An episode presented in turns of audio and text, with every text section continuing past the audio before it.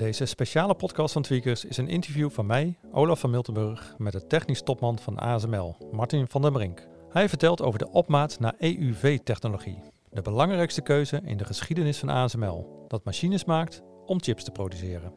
Die machines bevatten een lichtbron om via een masker patronen op een wafer te schijnen. Zo brengen ze de structuren van de chips aan. En hoe korter de golflengte van licht, hoe kleiner de chipstructuren en dus hoe zuiniger en sneller de chip. Inmiddels maakt ASML enorm complexe chipmachines die werken op basis van EUV, extreem ultraviolet licht, met een golflengte van 13,5 nanometer. Deze systemen werken te krijgen dat was een ongekend huzarenstukje. Maar het belang was ook heel groot. De ontwikkeling van de gehele chipindustrie hing er zo'n beetje vanaf. En als er één persoon is die een cruciale rol speelde bij ASML, dan is dat CTO Martin van den Brink. Hij begon al in 1984 bij ASML en heeft de groei van het bedrijf niet alleen meegemaakt, maar er ook vorm aan gegeven. Dat je dit nu kunt luisteren is best bijzonder, want Van den Brink geeft bijna nooit interviews.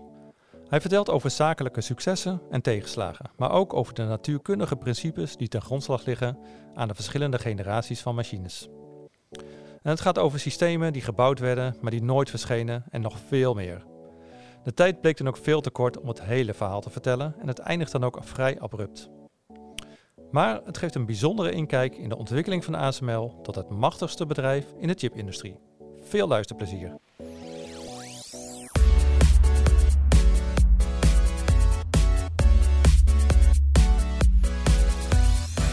Toen u ehm, in de jaren 80 begon bij ASML, wat, wat, wat waren destijds de eerste technische uitdagingen die op, opvielen? Van, van... Nou, als je dat doet, dan komen we voorlopig niet aan het IOV. Uh, nou, dat we niet verkochten. Laat ik het maar zo formuleren. We gingen de, het heeft tot en met uh, midden jaren 90 geduurd voordat we een beetje balans kregen in de uitgaven en inkomsten. Dus dat was uh, toch wel een, een, een stevige tijd. En, en, de reden daarvan is dat uh, in het verleden, voordat ik bij ASML begon, was eigenlijk als grote bedrijven met elkaar concurreerden met producten, dat ze probeerden te concurreren op niet alleen op de producten, maar ook op de productiemiddelen. En dat wilde zeggen dat grote chipbedrijven in die tijd uh, zelf hun apparatuur maakten, inclusief scanners en spullen die nodig waren om, om dat te doen. En dat werd een beetje gedreven uit, in het geval van Philips, dat ze ook uh, de eerste honderd jaar van hun bestaan alles deden met glas. En zo uitkwamen bij lampen en televisiebuizen. En, en, daar niet alleen praten over de lampen, maar ook over de apparatuur van die lampen. Die waren eigenlijk het grote verschil. Hè. Toen, toen dat niet meer het verschil maakte, toen was het ook heel snel gebeurd met Philips Lighting. En dat was dus ook een semiconductor geval. Dus in die tijd dat ik kwam, was net de omslag dat mensen zagen van kijk, als we nou de apparatuur inkopen in plaats van van zelf maken. Dan maken we gebruik van de schaal, want we concurreren op ons product niet op de maakmethodes, maar meer op, de, op het product zelf. Alleen dan had je dus bedrijven zoals ASML, die bij Philips waren, die dus uh, eigenlijk moesten gaan leveren aan concurrenten. En dat wringde in die tijd. Dus de eerste tijd was uh, dat we probeerden met klanten contact te maken die eigenlijk voorheen in de Philips context concurrenten waren dus we kregen momentum, we hadden de verkeerde weversize. Uh, we hadden tot dan toe was er weinig geïnnoveerd, omdat er met een heel beperkt budget binnen Philips gewerkt werd. Dus voor het eerst uh, was er door de joint venture tussen Philips en ASML ruimte om, om geld te besteden. En dat gebeurde toen ook. En dat resulteerde in die eerste stepper die we in 86 gemaakt hebben, die geschikt was voor 150 mm wevers. Terwijl ik kwam was het 100 mm wevers. En een tweede, een paar meer dingen nog, maar een andere ding is dat de optiek. Uh, voordat ik binnenkwam, afkwam van een klein bedrijf in Parijs, die maakproblemen had met de lenzen. Hebben we ook gelijktijdig ook richting, richting onze huidige partner Zeiss geschoven. Dat is in de eerste jaren gebeurd. Amongst a few other things. Hmm. En was er toen al een idee van we moeten echt op, op we moeten technisch voorop lopen. We moeten een technische voorsprong opbouwen om gewoon marktaandeel te winnen en te kunnen verkopen wat, uh, wat we maken. Nou ja, we liepen achter. Ik denk dat dat het verhaal is. Ik, ik denk dat wij zo tot, tot midden jaren negentig ongeveer achterliepen. En dat we vanaf ja, midden jaren negentig langzaam gingen voorblijven. Die, alleen die voorsprong werd steeds overtuigender. Mhm. dus we hadden naar ons gevoel overal een achterstand. Op subgebieden hadden we, vonden we voorsprong. Uh, met name onder andere op het alignment. Maar daarbij was het niet altijd makkelijke klanten van overtuigd dat je een superieure technologie had. Maar het is altijd zo geweest, denk ik, dat wij geprobeerd hebben door um, superieure machines marktaandeel te winnen. Bijvoorbeeld, de, de markt voor semiconductor was toen veel groter dan vandaag, laat ik zo zeggen het aantal leveranciers, niet de markt. Het aantal leveranciers van uh, was veel groter dan uh, wat er nu het geval is. En je had dus hele grote spelers, bijvoorbeeld IBM, eh, Motorola, Texas Instruments, Hitachi, Toshiba.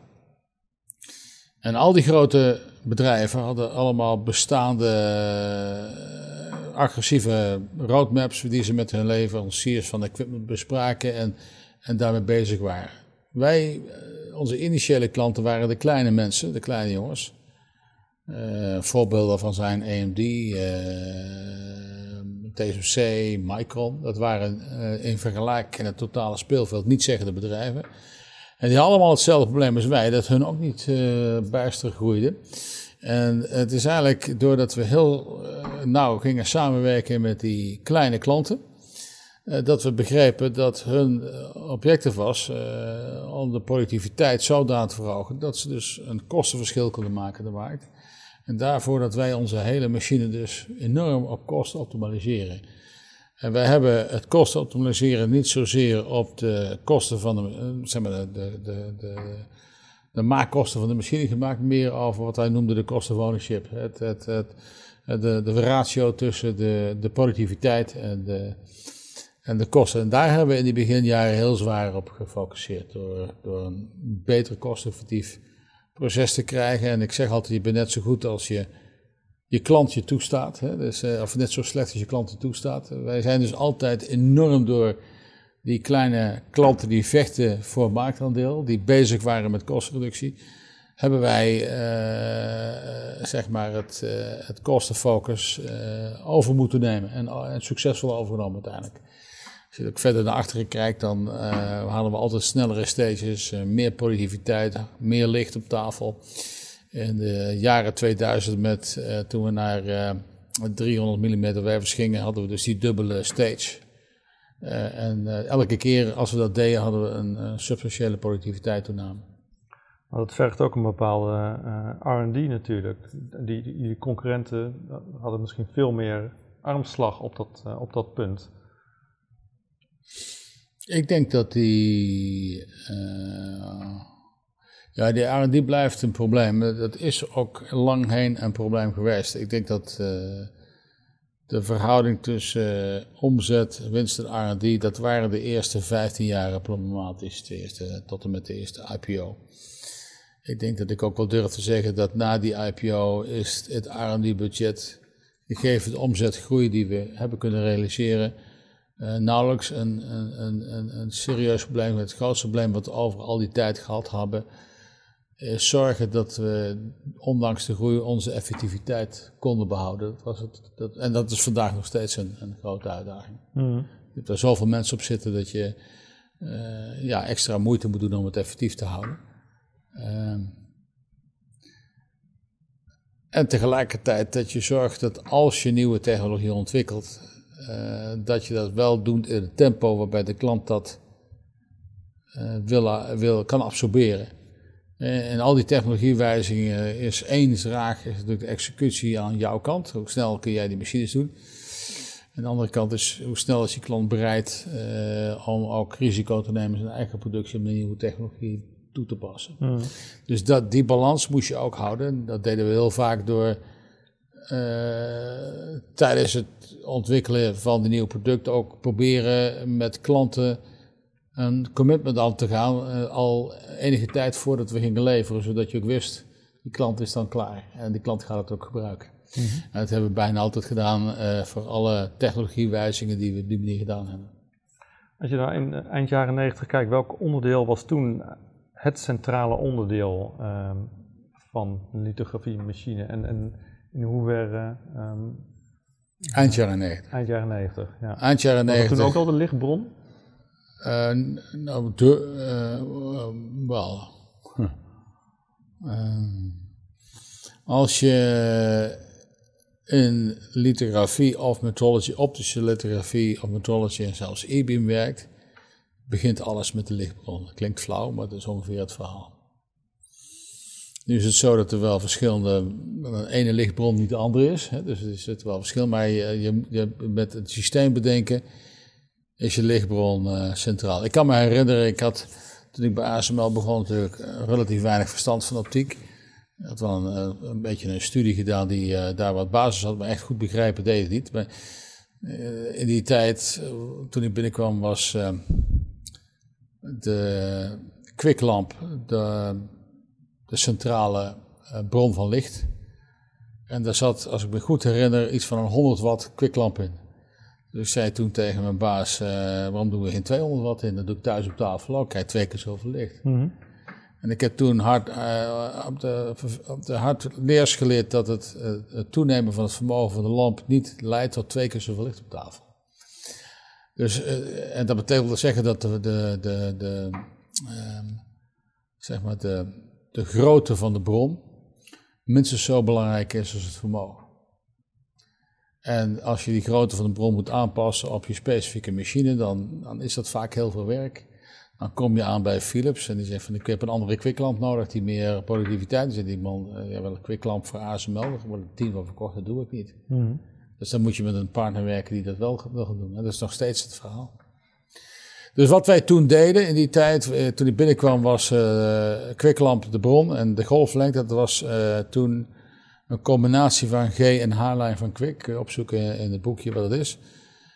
dat is iets rond de 336 en 405. en het was een dubbele golflengte link, dubbele golflengte systeem die eigenlijk uh, doordat het relatief breedbandig was, een moeilijke lens was om te maken, wat eigenlijk nooit goed op te maken. We zijn daarna vrij snel omgegaan naar G-lijn, wat toen ook iedereen maakte, dat is 436 nanometer. En we zijn daarna in de loop van de jaren 80 uh, eh, heel snel geprobeerd om ook een eyeline systeem te maken, dat is 365. Dat klinkt eenvoudig, je pakt gewoon een andere golflengte, je bent klaar. Maar de meeste mensen die dat regelmatig doen, begrijpen dat als je de golflengte verkleint, de energie, fotonenergie, even zo goed toeneemt. En daarbij betekent ook dat uh, de verkleuring van materiaal, of de, de, de robuustheid van de diverse uh, glazen, uh, niet elke glassoort kan dezelfde golflengte volstaan. Dus wat je eigenlijk gaat krijgen, hoe korter die golflengte wordt, hoe minder keuze je hebt uit de glassoorten. En als je dat, eh, die keuze inperkt, dan ga je ook gelijk een probleem krijgen met de bandbreedtecorrectie van je lens. En dan ga je ook gelijk krijgen een, probleem weer met de bron, die niet alleen de juiste vorm moet hebben, de juiste vermogen, maar ook de juiste bandbreedte. Mm ik denk, in, er werd in de industrie ook al vooruit gekeken. Er werd ook al misschien vooruit gespeeld, uh, gespeeld op, op een bepaalde evolutie in lichtbronnen die mogelijk uh, nee, was? dat deden wij. Oké. Okay. Dat, dat, dat, dat, eigenlijk laat ik zo zeggen. Het, het, het, uh, waar het gezegd moet worden waarom wij uiteindelijk met size als, als lensleverancier weggaan naar Nikon en Canon als uh, ook lithografie-leverancier heeft gelegen in de fotobusiness, die enige synergie heeft met, met wat we deden in het begin. Maar dat is zo snel weggegaan. Die technologie is zo'n andere schaal, dat de synergie tussen fotoobjectieven en, en litho vrij snel wegging. Uh, dus uh, wij waren voortdurend zelf bezig met het verschuiven van grenzen, omdat we in een regime werkten waar niemand anders werkte. En dat ging ook ten aanzien van de lichtbron zo. Dus eigenlijk toen we kwik, kwiklampen werden in volume gebruikt langs de weg. Met name richting België, waar ze allemaal altijd uh, eh, 24 uur per dag aanstaan.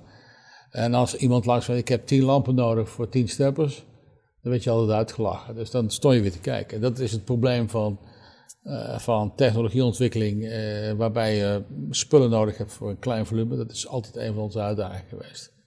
Dus we hebben dat zelf moeten doen. En we hebben dus zelf die, die, die push naar iLine gemaakt, wat heel succesvol was. En na iLine was de vraag, wat gaat dan wat gaat er nu gebeuren? Want even een tussenstapje.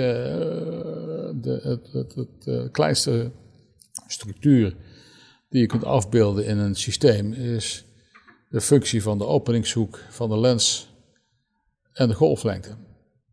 De openingshoek van de lens is begrensd tot 90 graden of 180 graden, afhankelijk van hoe je het. De, apparatuur van 1 is, meer kun je niet maken. Dus de enige echte vrije schaats is je golflengte. Dus het was hem al duidelijk dat je toen, uh, hoe kleiner de golflengte, hoe beter het wordt. Alleen, zoals ik al zeg, hoe kleiner de golflengte, hoe beroerder het wordt, want die fotonenergie neemt toe. En er worden steeds minder materialen geschikt. Dus hadden we nog pakweg, uh, nou, ik, ik, weet niet uit mijn hoofd hoor. in die tijd was denk ik, geen lijn kon je zo'n, je, de shotgun-catalogus, een glazen, zo'n 15 glazen of zo die je kon gebruiken. En die kon je dus ook gebruiken om kleuren te corrigeren, die namelijk door verschillende uh, dispersieve materialen naar elkaar te zetten. Maar als je die golflengte gaat verkleinen, dan heb je dus de keuze uit minder materialen, minder golven, moet je de bandbreedte weer kleiner maken. Dat was zelfs toen we de volgende stap nagingen, 248.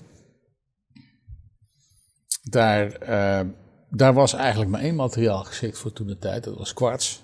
Eigenlijk tot de dag van vandaag nog steeds kwarts. Dan hebben we het over kryptonfluoride.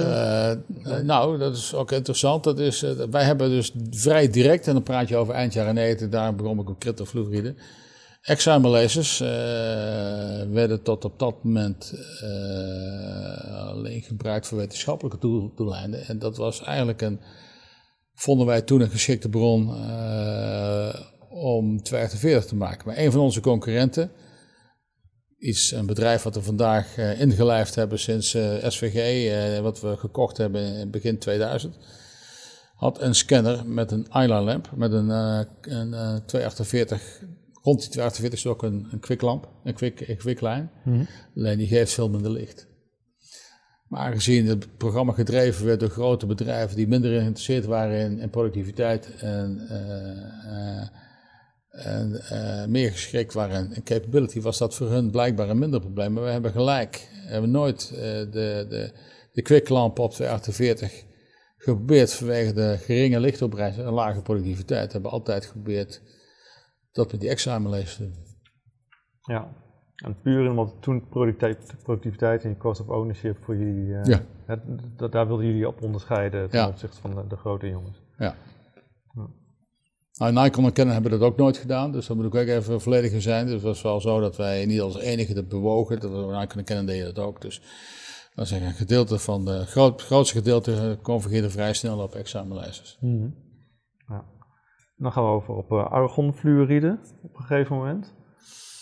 En dan zou je denken, de volgende stap, hè, dan kunnen we van 193 nanometer ook wel nog naar, naar een, een kleinere. Maar dan loop je blijkbaar tegen problemen aan. Nou ja, het, uh, dat is, dat is uh, nu als je kijkt nu naar vandaag, de, de systemen die op 193 lopen, dat, daar, dat gaat met vrij hoge hoeveelheid licht. Dus dat gaan zijn systemen die zo'n 200 wevers per uur van die grote plakken kunnen maken, een hele hoge productiviteit. die is nu al zo dat we voor een aantal componenten niet de oneindige leeftijd hebben. Dus wij moeten ook in onze service de klant regelmatig lenzen omwisselen om te zorgen dat het glas wat gedegenereerd is weer opnieuw uh, door nieuw glas of nieuw, nieuw kwarts vervangen wordt. Dus met 193 liepen we al vast, en 248 to some extent also, door beperkte levensduur van het glas. Als we nog verder naar beneden zouden gaan, naar 157, uh, 193 is dus argonfluoride, 248 is cryptofluoride. Dan heb je een F2, een fluoride laser, die leest op 157. Dus in feite is dat bijna dezelfde laser. Ja, een beetje niet helemaal, want de gain is eh, heel veel anders. Op details gaat er van alles anders, maar more or less voor de oppervlakkige uh, toeschouwer is het eventjes uh, ander gas erin en dan moet je het ding laten lezen, heb je gewoon die andere golflengte. Ja, detail daarbij, dat was ook al bij alle drie de golflengtes bij examens van land, de natuurlijke bandbreedte van het argonfluïde laser is veel meer dan we konden permitteren in de lens. Dus de kleuraberraties stonden niet toe dat we de volledige golflengte gebruikten. Dus een van de drama's met die examenlasers over die tijd is dat we dus met een, uh, wat een zogenaamde line narrowing unit, dat is, was eigenlijk een, een grating uh, met een prisma, uh, een kleur, kleurgevoelig optisch element. de gain op één golflengte, met een smallere golflengte bevoordelen, zodat we een veel smallere golflengte krijgen. Wat het opereren van zo'n laser toch ook een stuk moeilijker maakt. Dus dat was wel een trucje. Maar uiteindelijk eh, kregen we daar met behulp van onze leverancier Lotte Fysiek, initieel later met Cymer, kregen we dat uh, kregen we in orde. En was dus eigenlijk het zaak, hoe krijg je nou een, een, een, een, een 157 nanometer lens? Nou, dat was dus, uh, daar hadden we dus uh, bedacht dat dat uh, zou moeten zijn. Dat had zeg maar, de, de grootste robuustheid voor die fotonenergie van 157. Alleen dat heb je nodig met uniformiteiten die uh, niet verkrijgbaar waren. Dat was daarvoor al het geval als het gaat over glas, wat we gebruikten voor lenzen. heb ik heel veel, een van de hoofdprogramma's uh, van met name Zeiss met onze glasleveranciers, was om te zorgen dat dat glas uniform gemaakt wordt. Een kleine variatie in de index, breeksindex, geeft je aberratie die je kunt corrigeren. Dat was niet alleen zo voor Eyeline, maar ook voor, voor, voor, voor 248, voor 133, maar zeker ook voor calciumfluoride. Dus we hadden daar een compleet nieuwe leverancier nodig. En niet alleen leveranciers van dat materiaal, ook van de ruwe materialen die in het calciumfluorid gingen, waar calciumfluorid van gemaakt werd. Daar kwamen we onder andere terecht bij Merck, een bedrijf als Merck in Duitsland, chemicaliënfabrikant, die dus dat ruw materiaal zodanig zuiver moest aanleveren. En, en uh, dat is een van de, ja, nou, uh, ik ben niet helemaal voorbereid op uh, de niet-IOV-gedeelte van het bedrijf, maar ik kan me herinneren dat ik zo, praat ik over eind jaren 90, een bezoek bracht met de leverancier van calciumfluorid naar Merck. En uh, dat waren dus uh, degelijke Duitse managers die waren geïnteresseerd in mijn verhaal waarom ik, uh, waarom ik beter materiaal had. En, een lang verhaal kort te maken, toen, ik, toen het eenmaal duidelijk was hoeveel ik nodig had, was het interesse bijna helemaal weg. Dus het vooruitkrijgen van de industrie met een laag volume, lees ook de, kwik, de kwiklampen die we eerder hadden, mm -hmm. was vrijwel onmogelijk. Ja. Maar ik kan me voorstellen dat het natuurlijk wel... Uiteindelijk hebben we dat voor elkaar gekregen. En toen waren we bijna klaar. We hebben dus wel degelijk uiteindelijk een, een machine geleverd aan iMac, of aan, van IBM, sorry. De machine stond klaar. En toen uh, hadden we, uh, uiteindelijk waren we zover dat we die glazen maten erachter kwamen dat de principiële dubbelbrekendheid in het materiaal zat. Die het materiaal eigenlijk niet geschikt maakt om serieus uh, de resolutie te krijgen die je wil. Dat hadden we pas in de gaten op het moment dat we al die stappen gemaakt hebben. Want die dubbelbrekendheid die was verborgen in de onzuiverheid van het materiaal. Dat zag je, dat zag je pas aan het eind van de rit. Hmm. Uh, dus dat hebben we nog. Uh, we hebben een hele 157 stappen gemaakt die, ja, die eigenlijk de klant niet bereikt heeft. Ik, ik kan me voorstellen dat het nu best wel een drive is om dat toch werkend te krijgen. Want de hele infrastructuur was natuurlijk wel daarop gebaseerd om toch te blijven werken met optica, om toch inderdaad uh, die, die... Nou, het masker zou ook een probleem geweest zijn. Hè? Dus een masker is, uh, toen we begonnen was het gewoon um, um, borenvloot, gewoon een standaard optisch glas. Dat is daarna met ingang van eyeline en later zeker met 42 is dat kwart gegaan. Dus ook dan had je ook een maskerprobleem gehad. Uh, dus er zijn meer problemen dan alleen optiek. En, um, um, en het grootste probleem hebben we nog niet benoemd met het verwijzigen van die golflengte, was de fotogevoelige lak. bij I-line, bij, bij, bij G-line is de resistor totaal andere dan bij uh, I-line. Weer compleet anders bij 248, weer compleet anders bij 193. In al die scenario's waren we afhankelijk van voldoende voortgang van de fotogevoelige vlakleveranciers om de goede fotogevoelige vlak te genereren. En die mensen begonnen altijd heel laat, want die hadden helemaal geen behoefte aan nieuwe lak. Die hadden verdienden hun geld aan de bestaande fabrieken. Die Die leverden gewoon, zeg maar, grote tonnen. resist noemen we dat, aan, aan, de, aan, de aan de klanten, aan de, aan de halfgeleiderfabrikanten. En hoe meer resist ze gebruiken, hoe beter. En als dan iemand kwam met iets nieuws, dan moest je weer van vooraf aan beginnen. Dus die research op de, foto, op de fotogevoelige vlak kwam eigenlijk pas na, op het stand nadat wij geleverd hadden aan die klant. Die dan uh, door zijn omzet met de lakleverancier zoveel druk op die lakleverancier zette dat die dan ook de goede lak definieerde. En ook dat was een zeer, uh, ja, uh, een markt die nogal fors op en neer gaat. Als je kijkt wie in welke periode welke resist levert, dat heeft zich regelmatig verschillende leveranciers afgewisseld. En tot slot het masker zelf. Een masker, uh, details op het masker gaan anders uh, bij Eyeline als bij, uh, bij 248. Dus het was niet alleen de stepper, ook die infrastructuur. En daarom is die timing elke keer van wanneer ga je om, wanneer ga je niet om, zo belangrijk. En dat je niet alleen R&D gestuurd bezig bent, maar ook gestuurd van wanneer is die klant klaar, zodat ik dat ook kan gebruiken. Ja. Maar toch, dan moet je dus wel alternatieven achter de hand hebben. Welke, welke alternatieven waren er destijds toen jullie die met, op basis van 157 nanometer? Dat was immersie. Maar waren jullie ook toen ook al bezig met... Nou, dat is op zich ook wel een hero, een hero verhaal noem ik dat. Uh, dus wij waren bezig met een, uh, eigenlijk uh, toen we begonnen, we hadden eigenlijk ja, eenvoudig van kwiklampen naar examer gebaseerde systemen. Het verhaal van steppers en scanners slaan we even over. En double stages, dat is een andere ontwikkeling. Maar als we kijken naar de, de optiek en de golflengtes, dan um,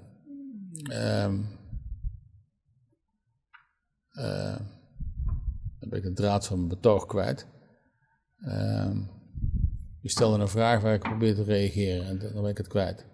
Immersie kwam als het ware uit een soort. Ja, dus toen wij beoordelen, toen wij dus zaten op die, crypto, op die examen waarbij cryptofluoride, argofluoride F2, mm dat was een, dat zat je in een koker zoals waar je niet noodzakelijk wijs in moest, maar waar je koos om in te gaan, mm waar je oplossing moet gebeuren. En natuurlijk was al jaren bekend dat je de zaak ook onder water kon zetten. Alleen we hadden het probleem mee, ik had problemen mee, onder andere, niet alleen ik, maar een aantal mensen hadden problemen mee, hoe je dus überhaupt een lens onder water, dat ligt met zo'n rommel. En dat gaat nooit werken, gaat de klant nooit accepteren. En uh, dus zijn we begonnen met 157, maar dat was zo'n groot probleem met de materiaalleveranciers. En onze concurrentie begon te praten over water. Tot we op enig moment een heldere ingeving kregen. En uh, tot de conclusie kwamen door het specifiek ontwerp wat we toen hadden van de lens, dat wij eigenlijk eh, zonder wijziging van de lens, omdat we een vlak, laatste oppervlak hadden van het lens, konden wij water tussen de lens en de weef doen zonder dat daar grote aberraties geïntroduceerd werden. We konden dus eigenlijk zonder nieuw lensontwerp, konden wij het water gebruiken. Het tweede voordeel wat we hadden, in die tijd eh, hadden we, waren we inmiddels omgegaan op als het concept van single stage naar double stage. Ik kan het anders formuleren, dus een van de andere innovaties los van de golflengte was meer in de richting van nauwkeurigheid en productiviteit. Dat wij zeggen, dat is maar één manier om de productiviteit te verhogen, is het, eh, het meten van de wever parallel te doen met het belichten van de wever. Waarbij we twee dingen uh, in één uh, klap vangen, is één, we doen dus het opmeten van de wever doen we parallel met, met, met het belichten. We hebben dus eigenlijk meer tijd, omdat dan het meten niet meer een throughput kritische pad is, hebben we meer tijd om de wever uit te meten. En als we dat doen, dan kunnen wij uiteindelijk nauwkeuriger uh, de overleg krijgen. Een tweede aspect is dat als je vanuit kijkt naar het duurste, meest kostbare element in je stepper, is de lens. Door twee stages klaar te zetten die voortdurend op en neer fietst, is die lens nooit ondergebruikt. Dus we hadden eigenlijk eh, daarmee een enorme economische boost gegeven aan ons systeem. Uh, wat ook, als je ziet naar onze marktaandeel, ook in die tijd ook weer een stap gegeven in onze marktaandeel. Op details is dat een, eh, was dat ook een hele omvangrijke, risicovolle ontwikkeling. Uh, Uh, maar een voordeel wat je toen had, dat het opmeten van de wever gebeurde naast de lens. Terwijl tot dan toe het opmeten van de wever tegelijkertijd plaatsvond met het, uh, op het belichtingsstation. Met andere woorden, als je dan met immersie ging weven, moest je meetsysteem ook door het water heen. En wat wij konden doen, dus droog meten, konden we nat exposen en droog meten. Dus wij konden zonder majeure wijziging de, zaak onder water zetten. Dat hebben we toen ook een maanden tijd gedaan. En we hebben parallel aan het, uh, uh, aan het voltooien van die 157, hebben een klein team van enkele mensen snel de zaak onder water gezet. En waren als een van de eerste, of eigenlijk de eerste, ik geloof dat we zeker een jaar, misschien wel twee jaar voor Nikon, in staat waren klanten te laten zien dat we immersieopname hadden. En het is met name dat uh, geweest wat, het, uh, wat, wat gezorgd heeft dat we de resterende problemen van 147 hebben laten lopen en de zaak volledig op immersie hebben gezet. Maar dan ga je dus verder ontwikkelen op 193, terwijl je weet, op een gegeven moment houdt het op. Dat weet je altijd, ook alles houdt op. Hè? Er is niks wat oneindig doorgaat, naar mijn weten. Ook vandaag niet. Dus dat is geen nieuw gegeven. Het enige is, als je kijkt naar uh, G-lijn, als we even, even de apparatuur buiten beschouwing laten. Uh, apparaturen van lenzen, zo zijn, zijn tegen de 1 of rond de 1. De grootste stappen maak je in golflengte. Dan ga je van 4,35 naar 3,65, die verhouding. Je moet het zelf nog even narekenen, zo'n zo'n dikke 30% Dan ga je van 3,65 naar 2,48, is weer zo'n 30% Van, 2, van, van 3, van 248 naar 133 is heel klein. Dus wij wisten al voordat we begonnen met 193 dat als we daar doorheen kwamen, dat we die golflengte stap, dat het maar beperkt was. En van 193 naar 157 is nog kleiner. Dus de diminishing return uh, was al zichtbaar en elke keer liepen we, liepen we vrij snel vast. Dus we waren wel blij met water. Want als je uh, kijkt, water kan de apparatuurgrens verhoogd van 1 naar 1,5 ongeveer. Dus dan heb je in één keer 50% meer. Dus, terwijl je toch dezelfde golflengte kon gebruiken. Nou, we dachten dat is de Walhalla. Uh, echter, een van de dingen waar we bang voor waren in het begin, een reden om geen immersie te doen, is defects. Als je gaat werken met water en waterdruppeltjes vliegt, ga je enorm veel diet krijgen. We hadden duizenden defects per wever. Dus de, zeg maar, de opbrengst van die eerste steppers toen we die maakten, die hadden eigenlijk, waren eigenlijk niet geschikt voor volumeproductie. Dus het heeft ons behoorlijke tijd geduurd tot de dag van vandaag om de zaak defectvrij te krijgen. En uiteindelijk was dat niet alleen defectvrij van de machine, maar ook bijvoorbeeld, uh, wat je ook met uh, ramenleveranciers leveren ze met een fobische laag. Fobische laag stoot water af, zodat je een druppeltje af, uh, minder makkelijk een druppeltje achterlaat. Ook het werken met de processen, de resist mensen om te zorgen robuust te krijgen, heeft ook een aantal jaar geduurd. Ja, jullie, waren, jullie hadden dan dat, dat nou ja, toch wel revolutionaire systeem met, met hè, twin, twin steppen, om het zo maar te noemen. Waren jullie ook al wel bezig met van, oké, als er een opvolger voor 103 voor immersie komt, moet dit daar ook in geïntegreerd kunnen worden? Of waren jullie daar nog helemaal niet mee bezig? Nou, daar waren we heel bezig. Uh, uh, zoals je weet is, is Next Litho, noemde dat de industrie. Dat waren X-ray. Dat was, dat noemden ze toen hard X-ray en soft X-ray. Het was e-beam en ion beam. Dat waren de vier technologieën. Waarbij uh, de, Amerikanen dat vrij snel omdoopten van soft X-ray naar uh, eh. Omdat de relatie met X-ray, uh, dat, was, dat werd marketingtechnisch niet, niet echt. Maar het is in feite gewoon soft X-ray. Het is 13 nanometer. Dan ga je in één keer van, wat we toen het eigen gebruik van 248 naar 13 meer dan 10 omlaag. Dat, dat, dat schiet op.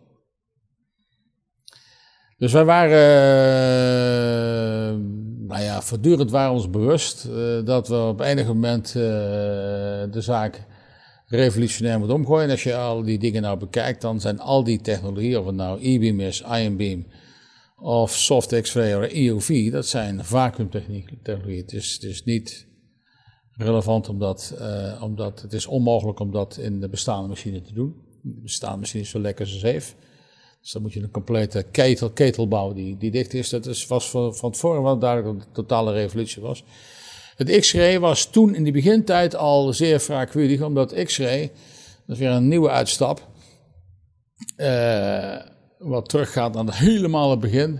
Uh, je kunt dat waarschijnlijk wel lezen in het boek van René Maar. Rijmakers heeft daar nog wat aan besteed. Maar toen, toen litho, optische litho begon, was dat één op één lithografie. En, en uh, een van de dingen die, uh, die samenviel met het begin van ASML, dat de meeste klanten gingen van één op één naar reductielithografie, wat een grote voordeel had dat de maskers verkleind afgebeeld werden, zodat de maskerfouten minder impact hebben op het gedrag van, van, of eigenlijk de afbeeldingskwaliteit. En X-ray was weer een stap terug naar één op één, omdat, je die, omdat niemand uh, een, op dat moment een goed idee had hoe je daar een afbeeldingssysteem van moet maken. En vervolgens moet je dan, is het niet alleen een afbeeldingsprobleem, omdat X-ray ook niet door materiaal heen gaat, moest dat stencilmasker zijn. En ik weet of je daar een beeld van hebt. Als jij een masker maakt, een stencilmasker, dan kun je bijvoorbeeld geen O afbeelden, want er valt het midden van de O ertussenuit. Dus, uh, en, en amongst alle stabiliteit van het masker was er een groot probleem. Dus uh, er is altijd zwaar getwijfeld.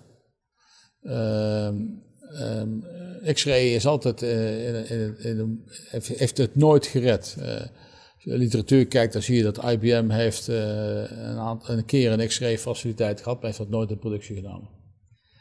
Dus X-ray is echt nooit door ons echt serieus genomen, maar die andere technologieën wel. Ook e-beam toen al? Ja, nou, EUV, mijn, mijn eerste confrontatie met EUV was uh, eind jaren 80 zelfs. Dan hadden we nog geen 248 steppen om het zo te noemen. Hmm. dus wij, wij, wij, wij, praten over EUV voordat we 248 hadden, voordat we Argofluid hadden, voordat ik begon aan F2 en voordat we gingen naar MRC. Dus uh, ja. Maar ook, ook e-beam, was dat toen ook al een, uh, een serieuze Toen ik begon bij ASML hadden we dus, uh, hadden we dus Philips die niet alleen optische lithografie maakte, ook e-beam lithografie. Dat werd in die tijd gebruikt voor maskers. Uh, omdat maskerschrijvers gaat met een minder groot volume dan wevers, dus dat kon je met een lagere productiviteit doen.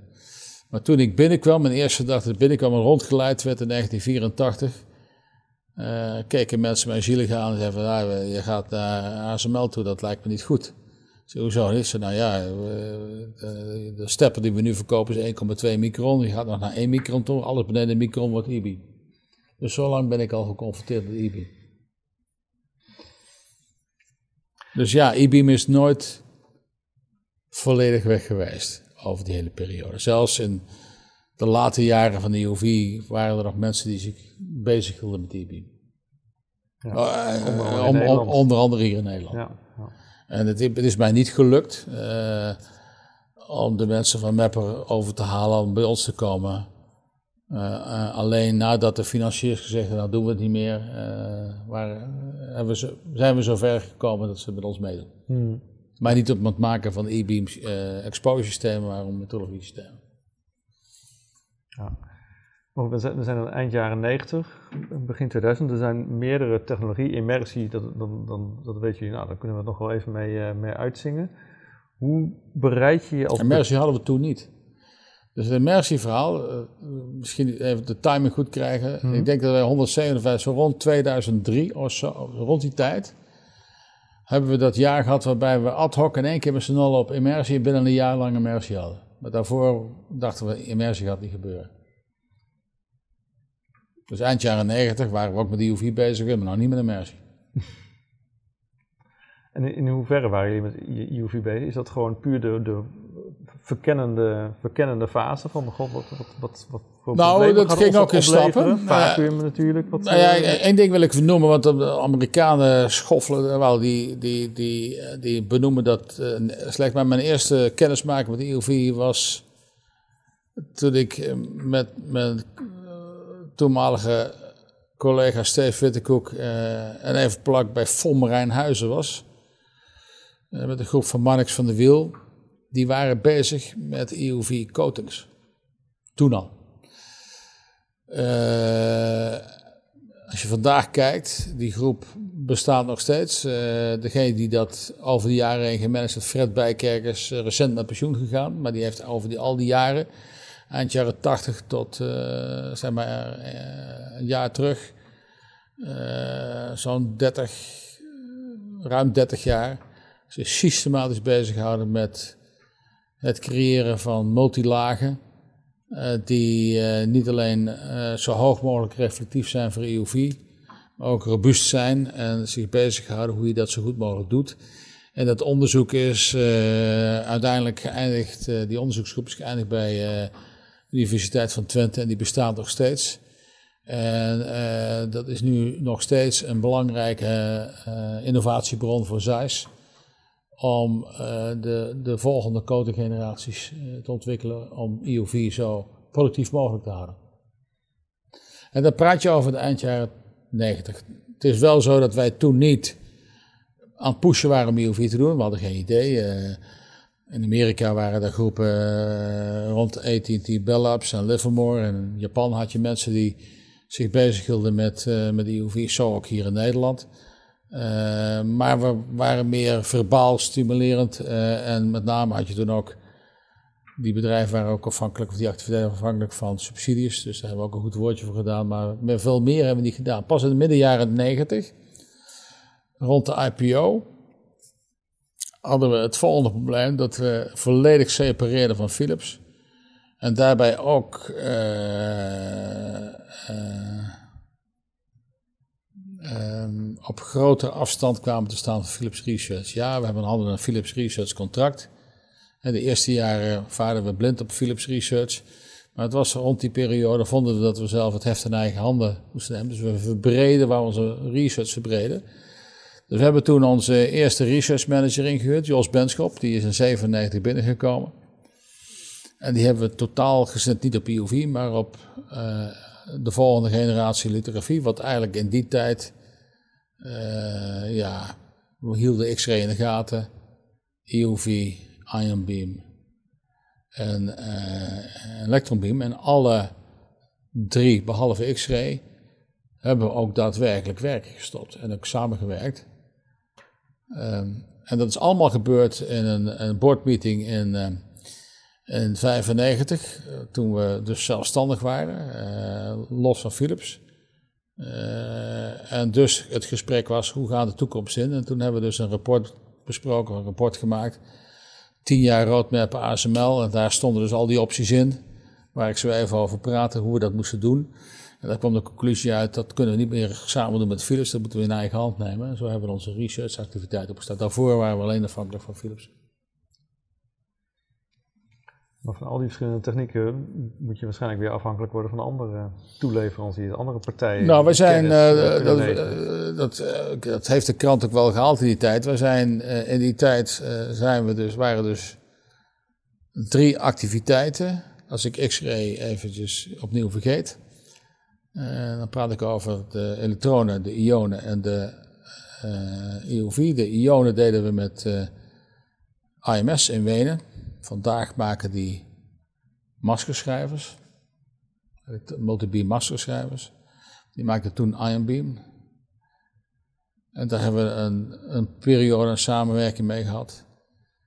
We hebben een, joint venture gemaakt in die tijd tussen Bell Labs, AT&T Bell Labs, dat was toen Lucent, bekende Mirror Labs en, en, uh, in Amerika samen met Applied. En ons en wij weer met SAIS en ook met de Universiteit Delft. Om te kijken of we projectie e-beam op de, op de red zetten. Beide, zowel elektronbeam, uh, elektronbeam als ion beam, waren met maskers en uh, verkleinende systemen. En met EUV hadden we toen het fenomeen, dat eh, zat natuurlijk al rond de Livermore Labs voor een gedeelte.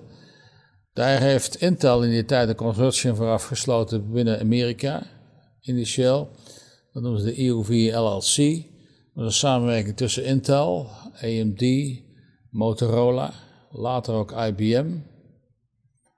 En, en, en nog weer later uh, andere bedrijven die een paar honderd miljoen research apart zitten om in de national labs, die toen relatief uh, activiteiten naar beneden schalen, doordat we dus uh, een andere tijd leefden dan vandaag, waarbij uh, de Cold War ver van ons huis was. Dus die hadden minder werk te doen op het, op het wapengebied. Die hadden dus, waren op zoek naar een uitdagende opdracht. Die hebben dus het initiatief genomen om, om, research rond de IOV in de volgende stap te zetten, waarbij ze ook tot doelstelling hadden om, um, om leveranciers uit te nodigen bij het onderzoek, zodat ze niet zelf dat, in, dat de industrie zoals ASML de industrialisatie doen. Dus wij hebben in die tijd uh, onderhandeld uh, met de Amerikaanse overheid uh, om dus die technologietransfer tot stand te brengen van het researchproject net ASML, wat ons uiteindelijk gelukt is samen met SVG uh, in Amerika, wat we later overgenomen hebben. Dus uiteindelijk hadden we, en de Japanners zijn nooit zo ver gekomen dat ze dat stadium bereikt hebben. Hm. Dus het is, uh, de UV was eigenlijk een, het echte beginstuk was een, uh, een transfer van technologie uit Livermore. En tegelijkertijd hebben we zo rond 2000 hebben een research project opgezet bij Philips Research, waarbij en dat was een combinatie van Philips Research Eindhoven, maar ook Aken vanwege de lichtbron. Waarbij uh, we met zo min mogelijk geld probeerden een prototype te maken. Uh, in een vacuüm. Dat is dus eigenlijk rond 2000 gebeurd. Maar daarbij moet je niet zeggen dat dat het besluit was, dus gaan we IOV doen. Nee, we deden nog drie dingen tegelijkertijd. En we wisten ook toen dat we nooit uh, de, de spierballen zouden hebben om dat allemaal tot een einde te brengen. Dus wij wisten dus, waren dus wel degelijk bewust over de alternatieven. En ook, mind you, rond 2000 uh, had argonfluoriet nog nauwelijks geaccepteerde productie. Immersie was nog niet in zicht. Dat is een beetje de context. Mm. Ja, uitdagingen genoeg nog in ja. tijd. Ja. En dan op een gegeven moment, dan komt dat toch naar boven drijven als van deze kant moeten we op, dit gaat hem toch worden. Dat was relatief snel, uh, eerlijk gezegd. Uh, dat zal een dynamische periode zijn, want in 2003 immersie. Die ja, maar het, het, was, het, was, het, was, het, was, het was makkelijk en eenvoudig. Uh, het algoritme voor mij was vrij simpel. Datgene wat je vandaag en morgen shipt, heeft voorrang uh, tot wat overmorgen is. En dat, dat is nog steeds zo. Dat is een gezond principe. Dan wil zeggen, je moet je toekomst moet je natuurlijk wel zeker stellen. Uh, dus je moet genoeg geld verdienen om te zorgen dat je daar een, een, een zekere geld in kan stoppen. tegelijkertijd wisten we dat we nooit drie dingen over de hadden. Dus die ion beam die, die viel snel gehad, dat is een middel van fysica. Hè. Zoals de meeste mensen weten, ionen zijn veel zwaarder dan elektronen, hebben dezelfde lading. Dus om die trilling te bewegen heb je meer kracht nodig. Uh, dat heeft voordelen en nadelen, maar een van de nadelen is dat je, als je een lens maakt van ionen, dan lukt dat niet met magnetische lenzen. Die zijn niet krachtig genoeg, dan moeten elektrostatische lenzen en die moeten dan heel groot worden. Ze hebben een hele grote lens. Dus uiteindelijk zagen we niet zitten om dat te doen. En ook het masker. Masker moest stencilmasker-achtige constructie zijn. Zagen we niet zitten. Dus we hebben dat vrij snel laten lopen. Nooit echt veel geld op. Die joint venture met Amat en Bell Labs hebben we vrij snel naar de kans gestopt. Omdat we toch opnieuw inzagen, dat we niet inzagen hoe we de productiviteit konden krijgen. Wat geldt voor, wat geldt voor elk charge particle systeem. Uh, dat de elementen die de imaging verzorgen, in dit geval de charge particles, ionen of elektronen, die stoten elkaar af. En het nadeel daarvan is, nadeel, nou, het voordeel van is dat ze, dat ze geladen zijn dat je ze kunt bewegen. Mhm. Als ze niet geladen kun je ze niet bewegen. Dus het goede nieuws en het slechte nieuws is als je dicht bij elkaar komt, stoten ze elkaar af. Dat noemen ze space charge. En er zijn andere vormen van, van problemen in e-beam. En als je dan de productiviteit wil hogen, dat is weer terug naar het DNA van het bedrijf waarbij je zegt, het is prima om een ingewikkelde machine te maken, maar de productiviteit zodanig, moet zodanig zijn dat klanten geld mee kan verdienen. Als je dus veel productiviteit nodig hebt, dan moet je dus veel elektronica naar, elektronen naar beneden sturen. En als die elektronen niet dicht bij elkaar kunnen komen, dan moet je ze dus om de beurt wegsturen. om de beurt wegsturen betekent dat je dus alleen maar een lage stroom kunt bereiken. Omdat namelijk in de horizontale richting moet je zoveel mogelijk elektronen bij elkaar hebben. Want omdat de lijntjes steeds dichter bij elkaar komen, wil je die elektronen steeds dichter bij elkaar hebben. Maar als ze elkaar niet verdragen op een kleine afstand, moet je ze om beurt naar beneden sturen. En dat betekent dat de productiviteit gaat met een hogere macht naar beneden functie van resolutie. Hm. Nou, zoals velen weten heeft Mapper daar nog jaren aan doorgewerkt. Uh, door die productiviteit, uh, noem je dat, die productiviteit dilemma op, op te lossen om niet één bundel te gebruiken, maar in dit geval een miljoen bundels. Waarbij de productiviteit om dezelfde dingen allemaal parallel te doen. En daar hebben we nooit zien zitten dat dat tot stand zou komen.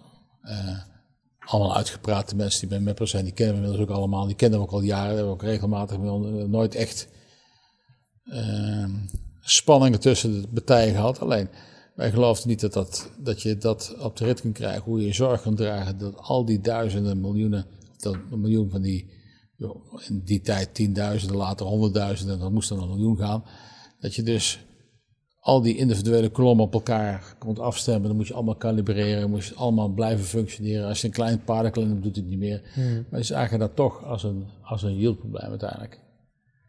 Uh, maar, maar gewoon vanuit first principles kon je gewoon vrij eenvoudig uitrekenen dat je die productiviteit niet kon halen als die resolutie kleiner was. Hmm. Dat is de reden waarom we uiteindelijk gestopt zijn bij beide technieken. Ja, ja.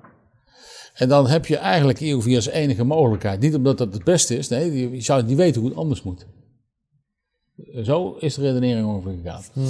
Tegelijkertijd is de complexiteit van EOV enorm. Dus je zorgt er maar beter voor dat je pas aan EOV begint als je het echt niet anders kan.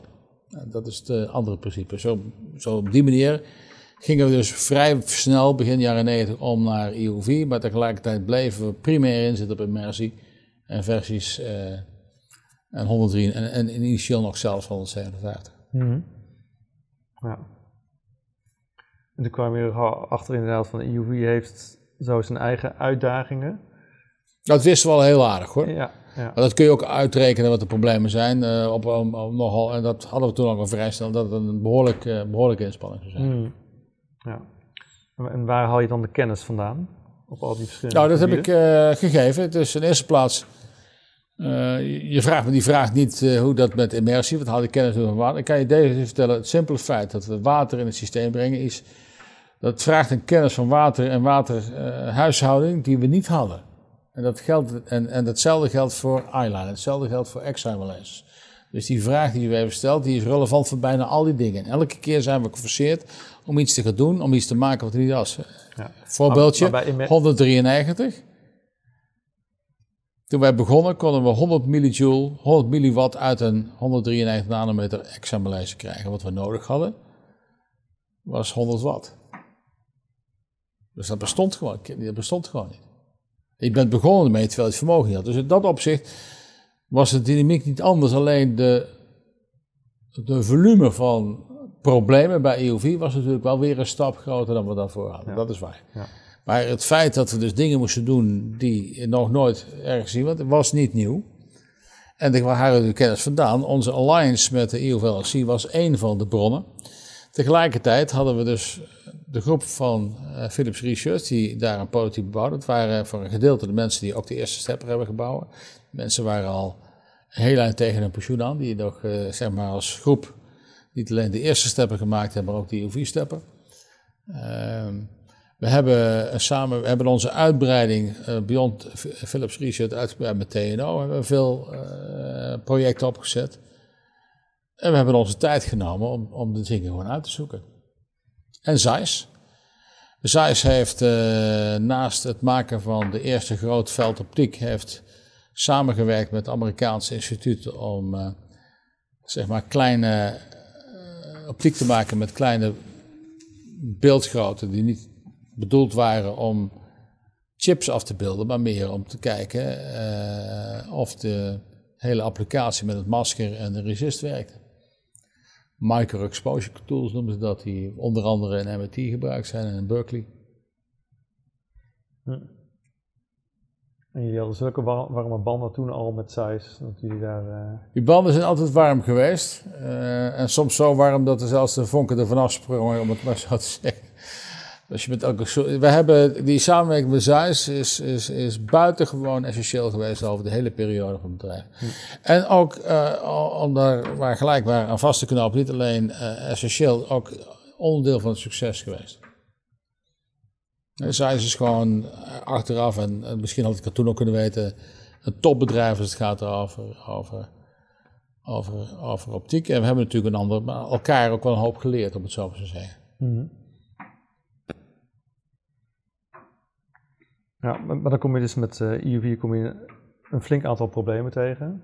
Um, hoe is het uiteindelijk bijvoorbeeld voor um, ehm, 13,5 nanometer gekozen? Waarom niet, niet voor een andere golflengte? Uh, zoals ik uh, geweld heb, die golflengte die is, die wordt gekozen. Nou, eh, de golflengte die je kiest is dat je een bron moet hebben die het kan. Dat was op dat moment gebruiken. De kwiklamp, de examenlezers. Ook al waren die, met name de examenlezers, niet industrieel geproduceerd. Het was daar. Met EUV net iets anders. Je, moest, je wil zo laag mogelijk zitten. Want eh, met het, je moet een hele klap maken en, en je, je, geeft op. Wat je op moet geven is A, dat je niet in vacuüm werkt. Dat je, dat je, dus gewoon in een atmosferische omgeving werkt. En het tweede wat je op moet geven is dat je met refractieve optiek werkt. Dat refractieve optiek is optiek die door lens heen gaat, waarbij door refractie de afbeelding maakt. Dat wil zeggen dat je spiegeloptiek gebruikt. Uh, en als je spiegeloptiek hebt, dan moet je, heb, je dus, heb, je dus, uh, heb je dus reflectie nodig aan een oppervlak. En uh, believe it or not, zorgen dat je een, een situatie creëert waarbij je een hoeveelheid licht reflecteert op een oppervlak, dat is niet zo eenvoudig. En zoals ik al gezegd heb, zelfs ook hier in Nederland met het FOM en Rijnhuizen, en, en andere volgen hetzelfde. Wisten we dat een uh, multilaags coating van 50 multilaags coating uh, je een theoretische reflectie zou kunnen geven van rond tussen, de, tussen de 60 en 70 procent. En dat was eigenlijk al op het randje van acceptabel, want dan vervolgens moet je uitrekenen hoeveel spiegels heb je. Uh, een bankier snappen dat met rente, maar de rente is zelden boven de 10%. Maar wij waren per oppervlakte 40% kwijt. Dus als je dan twee optiek hebt, dan ben je 40 maal 40%.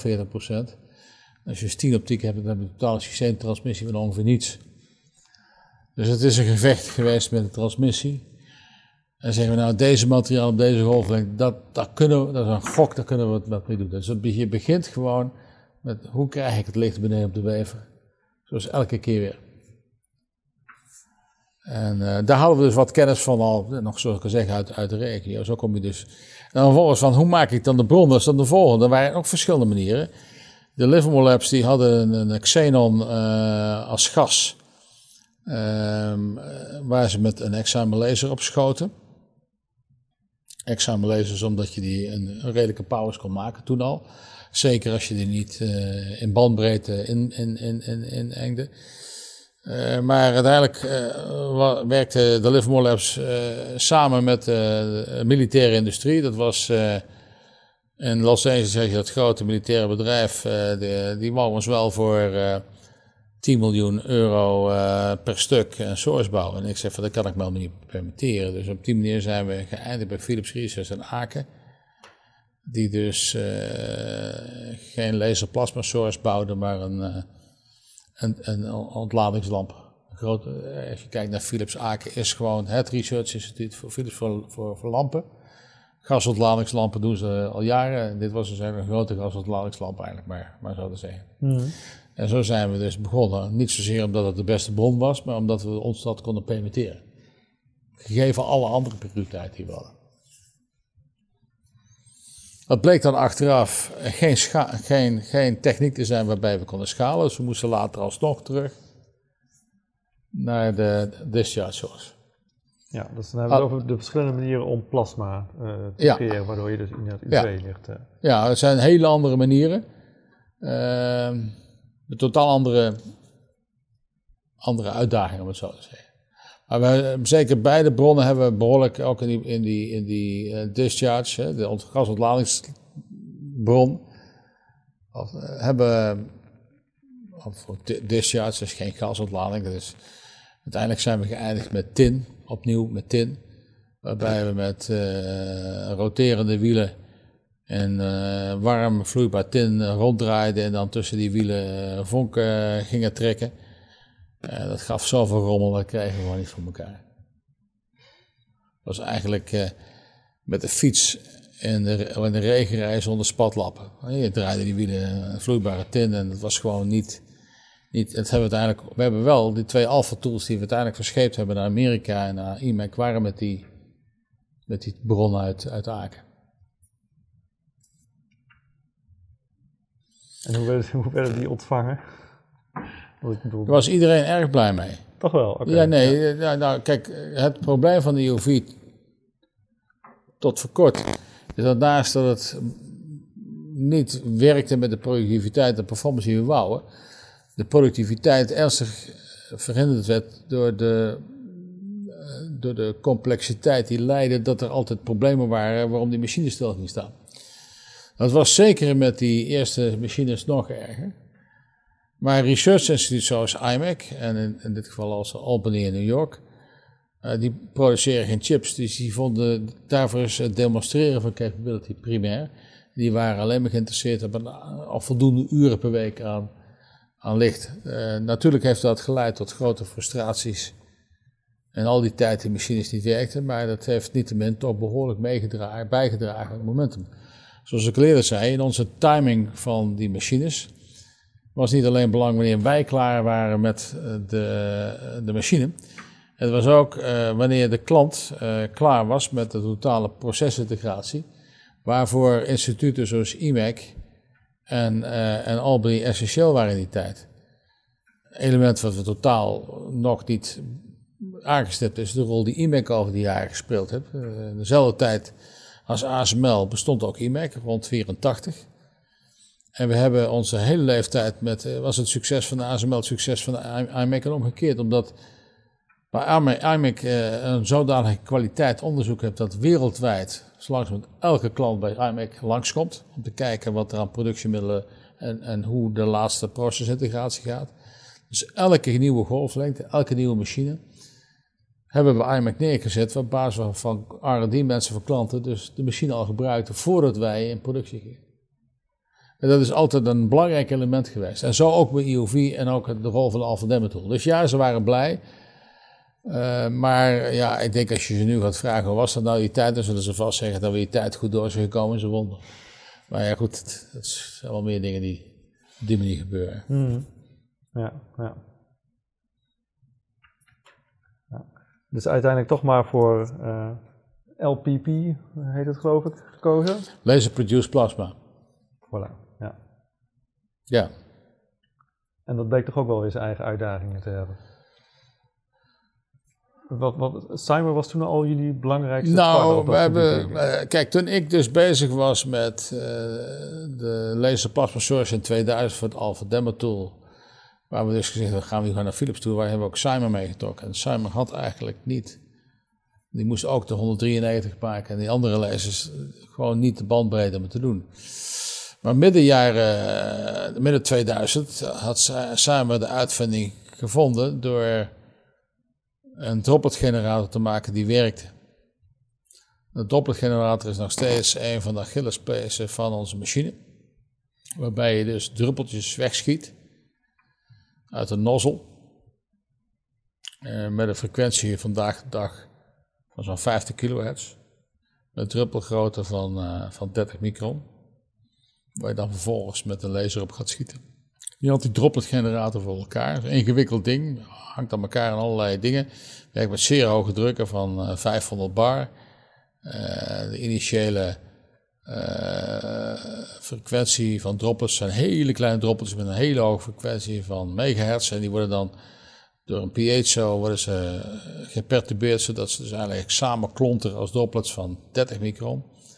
Uh, een, op zich een huzarenstukje van, van, van mechanica en, en, en, en.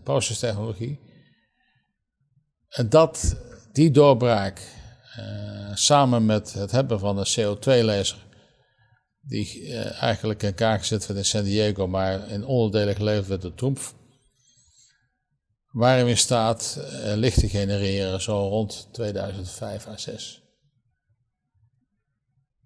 En dat was, waren we zo enthousiast over dat we op basis daarvan de eerste order getekend hebben voor levering van 100 wevers per uur aan ons, een van onze grote klanten in 2010. Toen probeerden we dat vermogen omhoog te doen. We konden enkele watten konden we maken. In een korte tijd.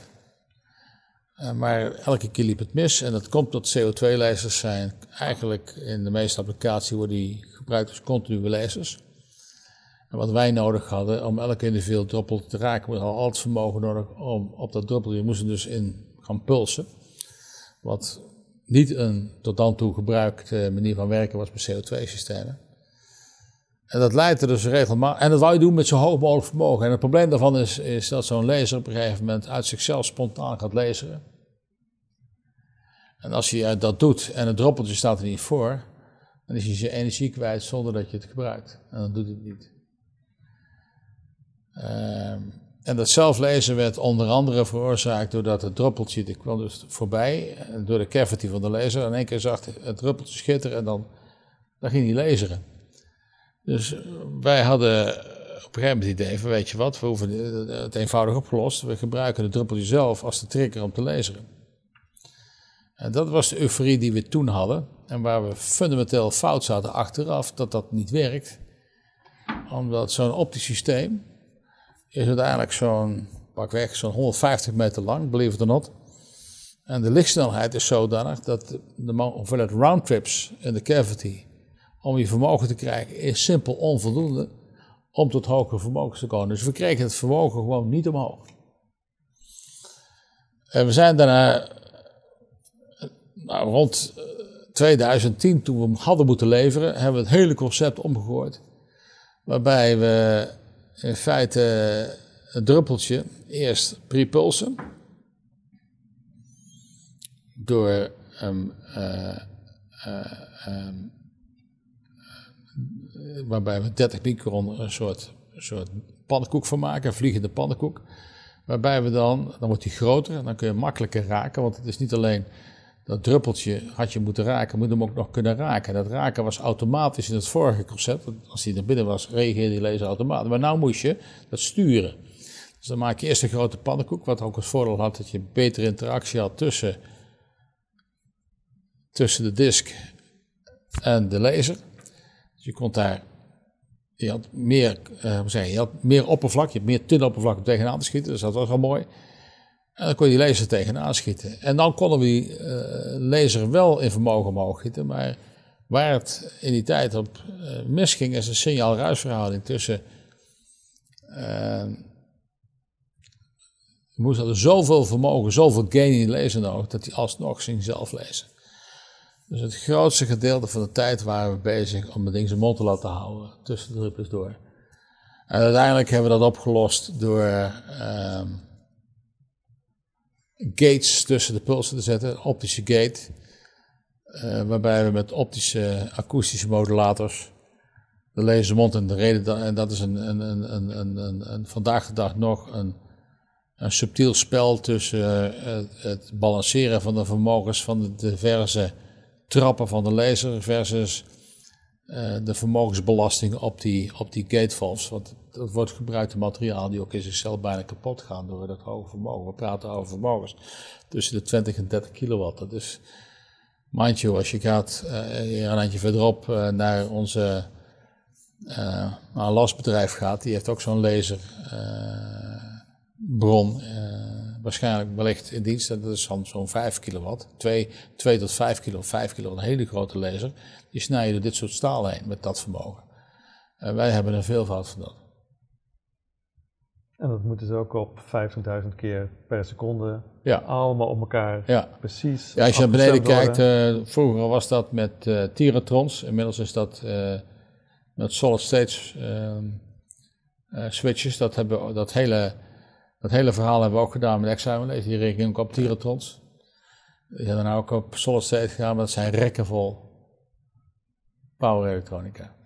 Om dat vermogen erop te krijgen. We praten over een megawatt aan elektrisch vermogen. En er komt dan 30 kilowatt uit. En die 30 kilowatt die gaat naar pakweg 250 watt IOV. En er blijft een paar watt over op de wever. Ja. Omdat die spiegels, die...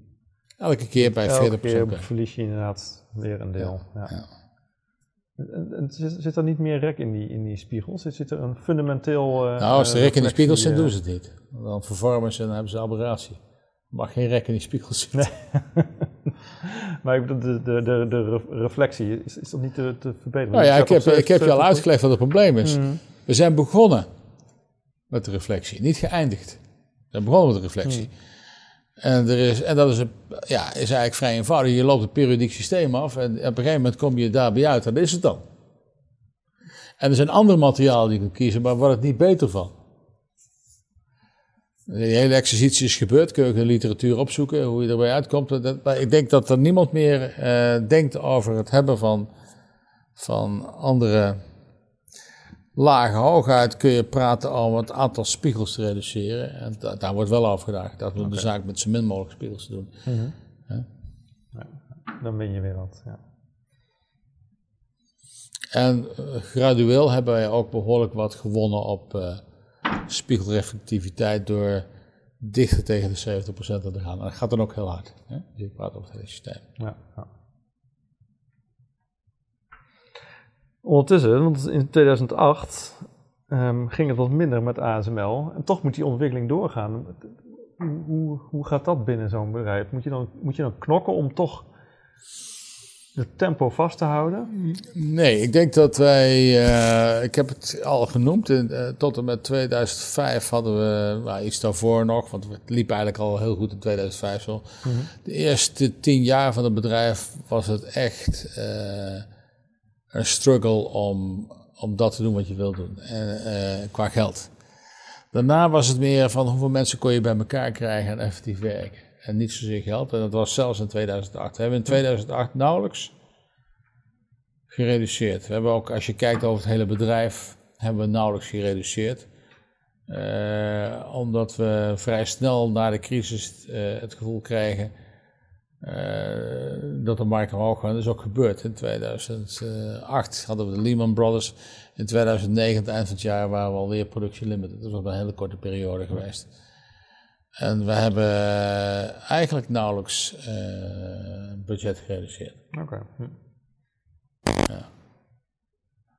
Ook omdat in onze hele interactie met de klant was het elke keer zo dat wij in elke situatie verkeerden waarbij we eh, voor elke nieuwe node en elke nieuwe chip was er een bepaalde capability nodig waarbij we het hele ontwikkelprogramma hadden. We waren ook helemaal opgesloten in, in, in ons klantencommitment we hadden ook niet veel vrijheidsgraad om, om, om iets anders te doen dan gewoon leveren. Hmm.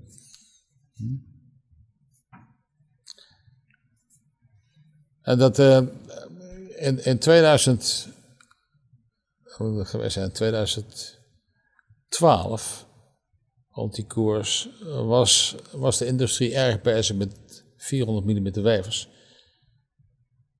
En 400 mm wevers was een techniek waar we niet geloven. Als je kijkt naar hoe lithografie werkt, dan zijn er een aantal processtappen waar je zegt hoe groter de wever, hoe goedkoper het proces. Als je je wever groot maakt, heb je meer vierkante meters te belichten. heb je gewoon even zoveel lange tijd nodig om, om die wever te belichten. Dus het kostenvoordeel van 400 mm waren we uiterst kritisch over. En we dat nooit willen doen. Totdat, Kust, totdat Intel um, um, overtuigd was dat zonder dat ze dus een financiering gaven rond uh, 400 mm, dat niet ging gebeuren. Dat was onze tijd van het co-investment programma. Toen zijn we dus met andere majeure leveranciers uh, van chips, uh, Samsung en TSMC aan tafel gezet. Ik heb luister, ook na toestemming van Intel, jullie mogen meedoen. Als je niet meedoet, gaan we het alleen met Intel doen, 400 mm. En toen hebben de andere klanten gezegd, willen we het doen?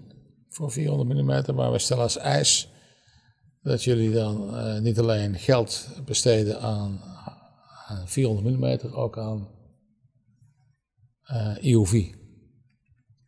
Ja, dus we, en Intel was er ook mee akkoord. Uiteindelijk hadden we zo'n co-investment-programma wat eigenlijk uh, tot purpose had voor Intel die 400 mm wou. En die andere klanten hadden meer interesse in EUV. En de deal was zo gemaakt dat op dat moment, toen we dat deden, besteden we al zo'n 600 miljoen aan R&D. En we hebben toegezegd dat we dat over de miljard zouden tillen met het co-invest-programma. Uh, ik geloof dat het anderhalf miljard was totaal. Wat we vrij konden besteden aan deze onderwerpen, onconditioneel. En de klanten zelf kregen daar als tegenprestatie voor een share bedrijf. En je kunt het allemaal opzoeken. Ik denk dat al onze klanten daar ruim uh, voordeel hadden met deze move. We hebben dat ook gebruikt om de R&D een hoger niveau te hebben. En dat heeft tot twee dingen geleid. De condities uh, op basis waarvan we 300 mm, 400 mm leveren hebben dus zodanig aangescherpt dat ook eh, de klanten uh, heel duidelijk uh, moesten bevestigen op enig moment of ze die 400 mm wouden hebben. En vrij snel na de start, ik geloof dat het een jaar is, werd het duidelijk dat onze klanten geen collectief commitment wouden geven aan, aan, aan HNE, of sorry, aan 400 mm. Mm Met als resultaat dat het totale bedrag in plaats van aan 400 mm aan EUV besteed kon worden. Dus dat was een. Uh, achteraf, vooraf was het allemaal erg tricky. Wil je wel aan, wil je klanten wel hebben eh, als aandeelhouder van je bedrijf en ben je wel zo ver met je klanten in zee gaan. Maar achteraf was het een gouden grijp voor iedereen. Want we hebben, denk ik, eh, gaan wij de historie hebben de mensen die minste geld besteed hebben dan 400 mm. We hebben duidelijkheid geforceerd en we hebben ons in ons uh, toekomstig programma geïnvesteerd. Dus dat was een enorme boost in, capability. Iets vergelijkbaars wat ook eerder plaatsgevonden heeft met IBM, wat we overgeslagen hebben. In de begintijd van Albany hebben we ook een half miljard ontwikkelprogramma in Albany afgesproken rond immersie en EUV. Ook dat was de aanleiding ervoor dat we uiteindelijk, eh, de basis van uiteindelijk waarbij we onze Alpha Demba tool verschepen. Zonder dat programma in Albany betwijfel ik of we voldoende geld hadden willen besteden aan EUV om, om, om door te gaan. Dat is rond 2004, 2005 geweest. Dat zijn twee belangrijke momenten in het EUV-project geweest. Ja. En je concurrenten zaten ook niet stil. Die, die hielden jullie waarschijnlijk ook goed in de gaten. Waar, waren die op, op dat moment uh, mee bezig? Ik, zoals ik al gemeld heb, uh, is het uh, Nikon en Canon nooit gelukt, hebben nooit de appetite gehad om mee te doen met de EUVLC. En in Japan zijn de research-inspanningen nooit op een niveau geweest die voldoende waren om uh, bij Jan te gaan, uh, boven Jan te komen. Als je nou kijkt naar onze. dus ik denk dat. Nikon en Canon beide al vrij vroeg, meer dan tien jaar geleden, het, het IOV-programma op een zodanig laag pitje hebben gezet dat daar geen, geen serieuze productiemachine uitkwam. En hoe langer ze daarmee wachten, hoe, minder, hoe moeilijker het werd om, om bij te komen.